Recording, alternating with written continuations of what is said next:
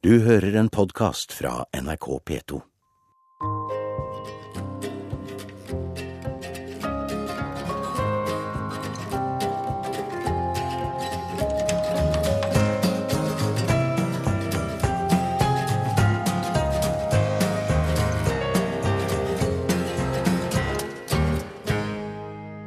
Hei, jeg heter Peder Kjøs og er psykolog. Jeg skriver om sex og samliv i KK, og har skrevet noen bøker om papparollen og kommunikasjon i parforhold. Men det er ikke det jeg skal snakke om nå. Den neste timen skal jeg snakke om musikk, eller egentlig mest om identitet, tilhørighet og individualitet. For den musikken vi omgir oss med, sier noe om oss. Å spille musikken sin for andre er å si noe om seg selv. Jeg har hørt på Sommer i P2 mange ganger, og hver gang tenkt på hva jeg selv ville ha spilt. Og så har jeg tenkt videre, men hvorfor akkurat de låtene? Hva er det jeg vil oppnå med å velge én låt og droppe en annen som jeg kanskje liker enda bedre? Valgene mine handler selvfølgelig om deg, om P2-lytteren som kanskje skal kjøre langt eller male en vegg, og har skrudd på radioen og håper på den akkurat passelige P2-blandingen av prat og musikk. Tenk om du skrur av? Tenk om du ikke liker musikken min? Kanskje du ikke liker meg? For den musikken jeg presenterer, den er jo også en presentasjon av meg. Så hva er det jeg vil oppnå med spillelista mi? Jo, jeg vil helst at du skal synes jeg er interessant, og at du skal like meg. Selvfølgelig. Men sånn har det ikke alltid vært. Hadde jeg laget dette programmet da jeg var 20, ville jeg prøvd å få flest mulig til å skru av. Jeg ville ha likt at bare noen få hørte videre, den kule eliten som skjønte det jeg hadde skjønt. Alle andre skulle helst ha følt seg dumme, underlegne og ekskludert. De skulle ha skjønt at det var de som var duster, og ikke jeg, som jeg vel hadde en murrende redsel for. Disse kompleksene mine skal vi komme tilbake til. Men først skal jeg spille en liten lyrisk perle for deg. Den handler om aldring og umulig kjærlighet, og den rørte meg til tårer da jeg var rundt ti år gammel. Det var Kiss, det, med Going Blind fra 1974. Kiss var den første musikken som virkelig betydde mye for meg.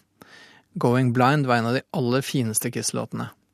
Jeg kunne sitte aleine på rommet mitt og grine mens jeg spolte kassetten fram og tilbake, og mante fram for meg bildet av den gamle mannen som skulle bli blind og ensom. There's nothing more for you and I. Det tok noen år før jeg begynte å stusse på enkelte av linjene i denne sangen. You're so young and so much different from I. I'm 93, you're 16, and I think I'm going blind. Andre Kiss-låter jeg likte godt som liten, har seinere vist seg å handle om å legge an på gifte damer, å reparere fyllesyke med billig sprit og å overtale kjæresten til analsex. Please baby don't refuse, you know you got nothing to lose. Jeg hadde ikke peiling, jeg syntes bare det hørtes tøft ut. Men hvorfor Kiss? Og hvorfor var det akkurat det tøffe og mørke med Kiss jeg presenterte utad? Jeg inviterte ikke akkurat vennene mine med på grininga over den gamle mannen og hans sviktende sanser. Jeg tegna Kiss overalt, maskene og flammene, blodet, logoen med de truende naziaktige s-ene. Jeg tror det var en måte å håndtere det skumle og farlige, det som egentlig ikke lar seg håndtere. Alle barn oppdager gradvis at det finnes sterke og farlige krefter som kan utslette oss, krefter som ikke engang foreldrene våre kan beskytte oss mot. Det fins et mørke som er så oppslukende at vi enten må gjemme oss, late som ingenting, eller være på lag med det. Jeg tenker at min fascinasjon for Kiss var helt parallell til andre ungers fascinasjon for dinosaurer eller Kaptein Sabeltann. De er en slags håndterbare versjoner av dødskreftene. De er store, farlige, og de fins ikke. Det er bare bilder, film, noen som har kledd seg ut. Du kjenner avgrunnens drag, men i motsetning til kreft, skilsmisse, mobbing og krig er det egentlig ufarlig. Identifikasjonen med Kiss ga meg en voldsom trang til å spille gitar. Jeg begynte på et kurs så fort jeg kunne, men samtidig ble det problematisk å holde fast på Kiss, så nesten ufattelig barnslig som det jo var. Jeg hadde ingen klar formening om hva jeg skulle høre på isteden. Jeg begynte å bytte bort og selge Kiss-platene og plakatene mine litt tilfeldig. I forbindelse med en intrikat byttehandel kom jeg til å eie Disneyland i det tusen hjem med de aller verste. De få jeg spilte denne plata for, syntes ikke den var noe særlig, men jeg syntes den var helt genial. Tekstene var såre og triste. De handla om å ikke få det til, ikke passe inn, at ingen bryr seg. Jeg syns jeg kjente meg igjen. Tekstene speila min egen veksling mellom sårhet, tristhet og sinne. Samfunnet, det sosiale fellesskapet, var uvennlig og avvisende, og dessuten overfladisk og falskt. Men samtidig var det jeg selv som kom til kort, som ikke klarte det de andre klarte. Jeg var utafor og utilpass fordi jeg sjøl ikke holdt mål. Eller var det de andre som ikke holdt mål? Fram og tilbake. De aller verste ga dybde og mening til mine mange nederlag. Jeg var ikke utpreget storvokst eller tidlig utviklet, verken fysisk eller mentalt. Jeg var dårlig i sport, middels på skolen og kjempedårlig med jenter. Det hadde ikke lenger noen sosial verdi at jeg var ganske god til å tegne, og at jeg leste mye. Kameratene mine var på vei over i noe annet, og jeg hang ikke med. En mulig løsning var å avvise de nye kravene. Istedenfor å se på meg selv som en som kom til kort, kunne jeg mene at alle andre var overfladiske og dumme, mens jeg sjøl da var smartere og dypere. Da var det ikke min feil at jeg ikke passa inn. Musikken jeg hørte på, ble en bekreftelse av min overlegenhet. Det at så få likte musikken min, beviste bare hvor mye smartere jeg var. Men jeg hadde jo ikke lyst til å være aleine heller. Opphøyd, ja, greit, men ikke aleine. Utfordringen var å finne de rette folka, de andre som forsto det samme som meg, et fellesskap jeg kunne like, og som kunne like meg. Musikken begynte å få en sterkere sosial betydning for meg, som en markør av både adskilthet og tilhørighet. Musikken fungerte som en distinksjon, en skillelinje mellom de jeg identifiserte meg med, og de jeg tok avstand fra, de som hørte på disko og bare snakket om fest og sport, og som trodde de var så kule i moteklærne sine. Elitismen min fungerte ikke så godt. Et hovedproblem var at det var umulig å finne de andre som hørte til eliten. Der jeg bodde, i Tune, en spredt bebygd landbruks- og industrikommune i Østfold, var det ikke så mye entusiasme rundt urban angst og ungdomsproblemer. Her burde egentlig fortellingen min tatt en dramatisk vending. Det er her jeg burde rømt hjemmefra og begynt å vanke på det okkuperte huset i Skippergata og etter hvert Blitz, som jeg var sterkt tiltrukket av. Så burde jeg spilt i punkeband og brukt narkotika. Men det gjorde jeg ikke. Det var langt fra Sarpsborg til Oslo, og strengt tatt hadde jeg det veldig bra hjemme, med ålreite foreldre, greie lærere og sunne og veltilpassa venner. Så jeg hang masse på ungdomsklubben og prøvde å tilpasse meg, særlig fordi det var den eneste måten å komme i kontakt med jenter. Å snakke med jenter var umulig. Den eneste muligheten var å danse, noe som kunne gå hvis man fokuserte på musikken. Det meste av musikken var skikkelig ille, men den gjorde det mulig å bevege seg tett inntil ei jente, og håpe litt at hun tok det som en form for anerkjennelse, det som var i ferd med å vokse fram mellom oss. Og noe av musikken var faktisk veldig bra, det kunne jeg ikke nekte for. Det var Iazoo med Only You fra 1983.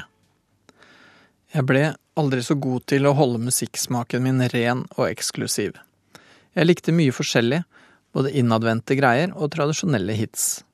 Det kunne fort ha blitt annerledes hvis jeg hadde vokst opp et sted med flere depressive elitister. Kanskje like greit at jeg aldri fant noe sånt miljø. Men jeg hadde fortsatt i meg en trang til å høre til i et fellesskap som utelukket de overdrevent normale. For ikke-urban åttitallsungdom var førstevalget av delvis ekskluderende sjangermusikk heavy metal. Metal, eller heavy som vi jo sa midt på åttitallet, var mer enn musikk. Heavy var en helhet det gikk an å assosiere seg med. I tillegg til musikken hadde heavy et visuelt uttrykk. Det var mye logoer å tegne, mye fete T-skjorter, og så er det håret, så klart, men ingen ideologi man måtte sette seg inn i bortsett fra en voldsom interesse for alt som er mørkt og farlig, mye døden, helvete og Satan. Ikke minst var det tiltrekkende at dette var musikk det gikk an å spille selv. Det var mulig å delta, lage noe, få anerkjennelse, ikke bare dilte etter og forbruke. I 1986 var jeg med på å starte trash metal-bandet Witchhammer. Vi gjorde det ganske bra hjemme i Sarpsborg. Vi spilte masse konserter og laget til og med en plate som vi riktignok måtte gi ut selv. Jeg burde kanskje ha spilt noe fra den plata nå, men det har jeg ikke lyst til. Det kjennes litt rart, for musikken vi lagde betydde så mye for oss den gangen. Den er en så stor del av meg og ungdomstida mi. Det er ikke det at jeg ikke står for den. Problemet er at jeg ikke har lyst til å kjede deg. Plata er viktig nok for meg, men den er dessverre ikke bra nok til å bli spilt på radio, syns jeg. Metal er i det hele tatt på vei ut av fortellingen min her. Jeg slutta i Witchhammer og begynte å studere psykologi på Blindern, og der sto ikke akkurat metal særlig sterkt. Og så kom Nirvana og gjorde det veldig klart at metal var håpløst utdatert. For min del trengte jeg avstand til hele metal-greia. Jeg trengte å høre på noe helt annet. Det her var Tom Waits med Singapore fra Rain Dogs, en av de beste platene jeg visste om på midten av 90-tallet. Den kom ut i 1985, så jeg var litt bakpå, men det var jeg ikke så opptatt av. Jeg visste ingenting om Tom Waits som person. Poenget var at stemmen var utrolig kul, og at den skramlete, skeive måten å spille på var noe helt annet enn alt jeg hadde hørt på før. For meg er Tom Waits noe av lydsporet til den kulheten jeg syns Blindern hadde. Den blandingen av nonsjalant likegyldighet og intellektuell dybde, den dyktigheten og avslappetheten som jeg ble så fascinert av. Likevel kunne jeg ikke helt få meg til å digge Tom Waits. Jeg kunne ikke være fan lenger særlig ikke av en mann. Det er noe helt umulig for meg med at en voksen mann erklærer seg som fan av en annen voksen mann. Noe av det verste jeg ser, er voksne menn som går med Bruce Springsteen-T-skjorte. Jeg synes det har et element av underkastelse ved seg som jeg ikke kan være med på.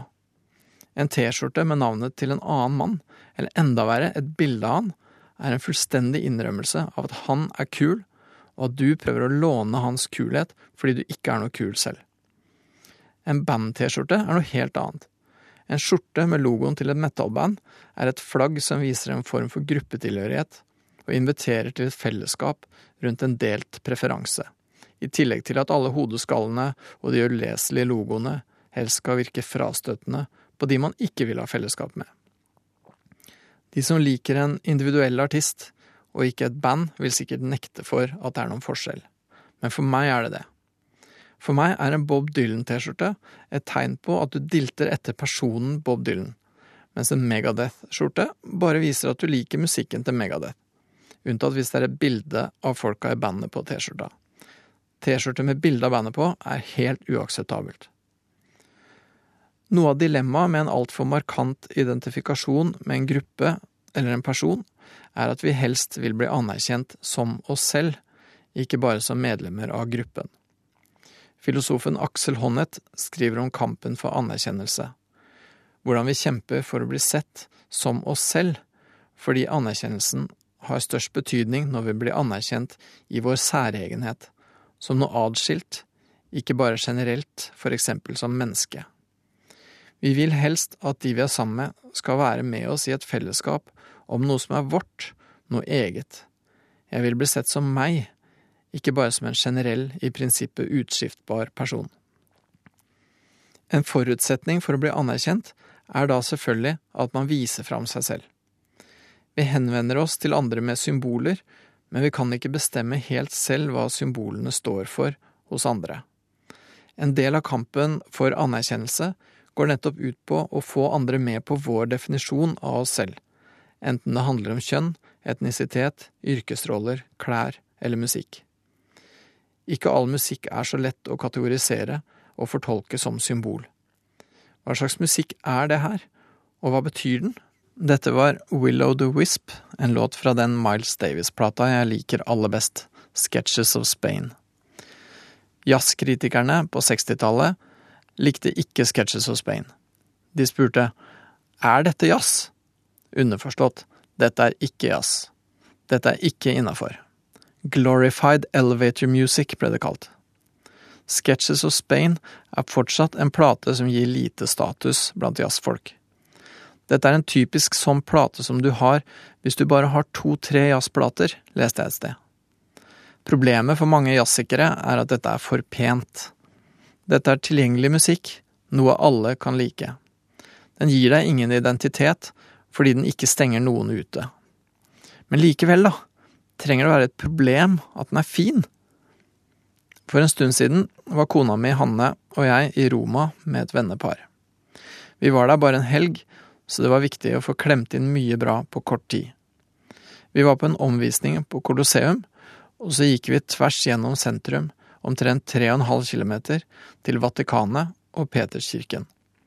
På den måten fikk vi med oss mye av byen, men vi var ganske slitne da vi kom fram. Peterskirken er overveldende.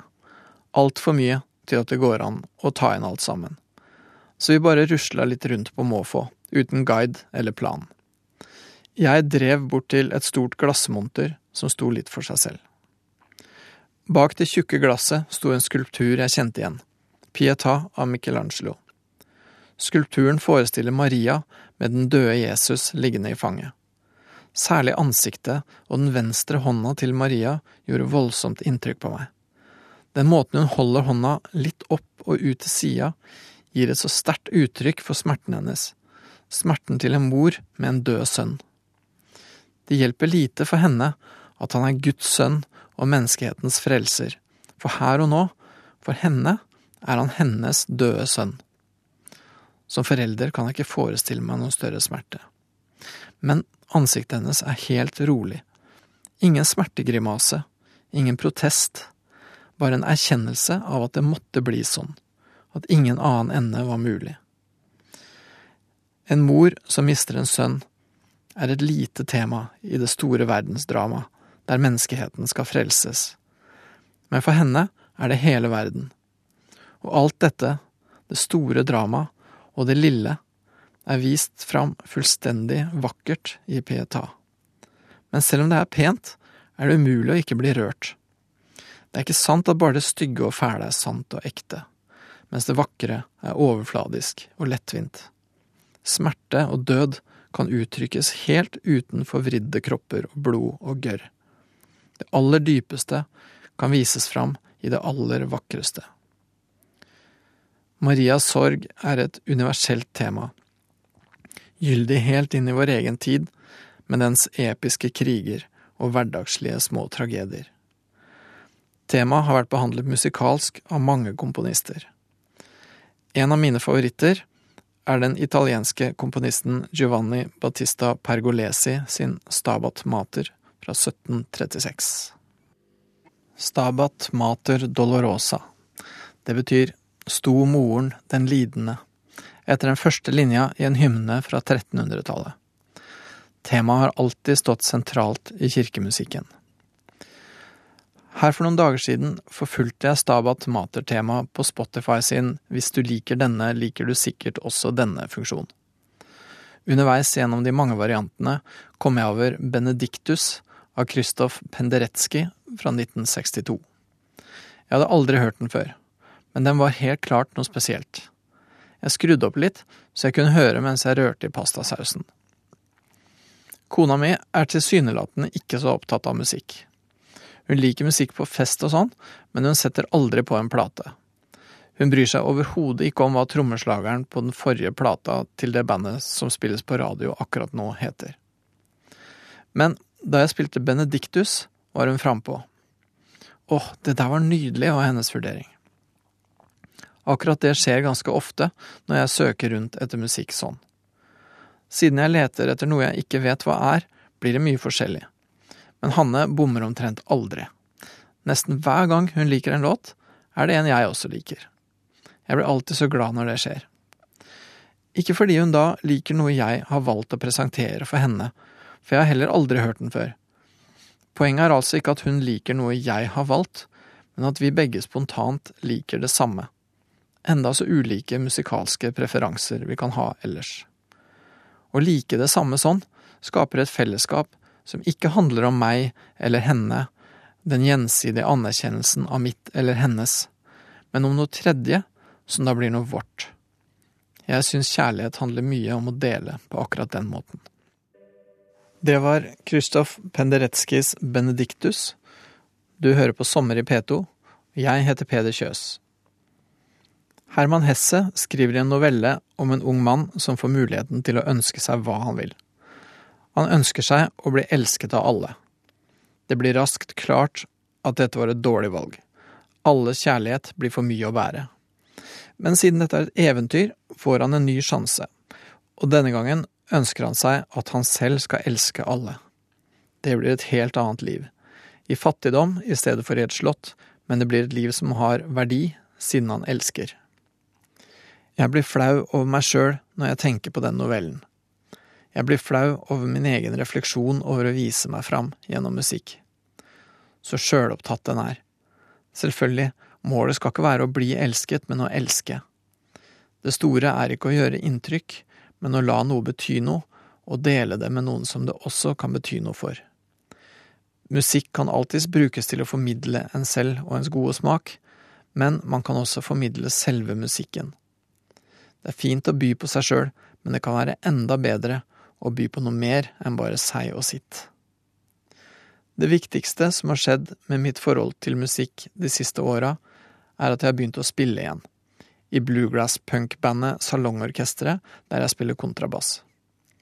På fire år har vi spilt over 100 konserter, på fester, hjemme hos folk, i bedriftskantiner, på boklanseringer, 40- og 50-årslag, utendørsfestivaler, puber og små og store konsertlokaler.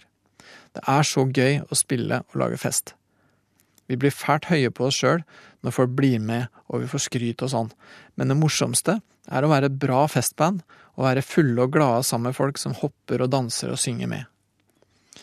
Som en del av virkeliggjøringen av gamle rockedrømmer har vi også laget en plate. To stykker, faktisk. Først spilte vi inn en singel i et studio, men mange av vennene våre mente at vi burde lage en liveplate. En kveld satt jeg og så Walk the Line, filmen om Johnny Cash. Da slo det meg at Salongorkesteret burde spille en konsertplate i et fengsel, sånn som han, og aller helst i et kvinnefengsel. Vi sendte en e-post til Bredtvet kvinnefengsel og spurte om de var interessert i besøk, og det var de. Det hadde vært en traurig høst i fengselet med lite kulturtilbud, et avbrekk kunne passe bra. Vi dro av gårde som kjernekarer med dobbel agenda. Vi ville gjøre det hyggelig for damene i fengselet, men hovedmålet var tross alt å spille inn plate og oppleve noe annerledes. Vi rigget oss til i kapellet med instrumentene og alt opptaksutstyret, og så kom damene inn, ledet av uniformerte vakter. Siden vi var i et fengsel, tenkte vi at det kunne være et festlig apropos å spille Breaking the Law av Judas Priest. Å spille på Bredtvet ble mye mer seriøst for oss enn vi hadde tenkt. Vi visste selvfølgelig at Bredtvet ikke ville være en sånn kokende, mannesulten østrogenpøl som vi har sett i halvpornografiske kvinnefengselfilmer fra 70-tallet, men virkeligheten var enda tristere enn vi hadde forestilt oss. På forhånd hadde vi pønska ut gøyale varianter av rockestjerneklisjeer. God kveld, Bredtvet, vi er glade for å være her, men det er sikkert ikke dere. Men vi fikk oss ikke til å si det. Vi var nervøse og stive, redde for å si noe de ville bli lei seg for. Men musikk er en magisk bro mellom folk. De innsatte klappet, hoiet og sang med fra første låt. Nervøsiteten vår slapp, og vitsene ble mer vågale. Enda bedre ble det da vokalisten vår, Bjørn, begynte å snakke spansk. Ganske mange av damene viste seg nemlig å være kokainsmuglere fra Sør-Amerika. Bare det å bli snakka til på sitt eget språk var helt tydelig et høydepunkt for dem. Vi var et tankefullt orkester som tok T-banen tilbake til byen. Vi dro på bar og drakk ganske mye, og så dro vi fram instrumentene og spilte noen låter stående på bardisken og på borda, som så mange ganger før. Men det var en helt spesiell kveld, en av de som føles viktig. Nå er vi snart ved slutten av min time med musikk til deg.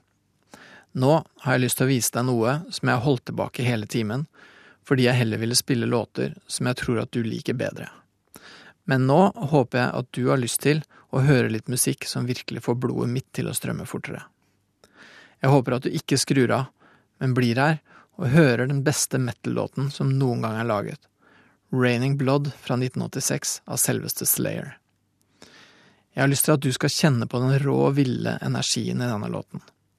Dette er musikk som kommer til å være veldig glemt om 100 år, men den betydde så mye for akkurat meg, akkurat da den kom, for snart 30 år siden, og det gjør den jammen fortsatt. Jeg har noen gode rødvinsglass med gravert Slayer-logo på. Enkelte seine kvelder heller jeg opp en helt grei rødvin, tar på meg hodetelefoner og hører på Slayer. Jeg kjenner at jeg godt kan tilgi han tenåringen, som var meg, i 1986, at han var så usikker, så selvhøytidelig og lite sofistikert, med det lange håret og panneluggen og den grusomme Slayer-T-skjorta med blodige sverd på. Han identifiserte seg så inderlig med denne musikken, og han tok den med seg videre, og her har du den. Kanskje du får noe ut av den, kjenner pulsen og draget, og kanskje forstår, og kanskje, kanskje til og med liker han litt. Han er jo meg, jeg er jo han, og nå er linja åpen mellom oss en liten stund. Jeg fuckings elsker den musikken her. Du har hørt en podkast fra NRK P2.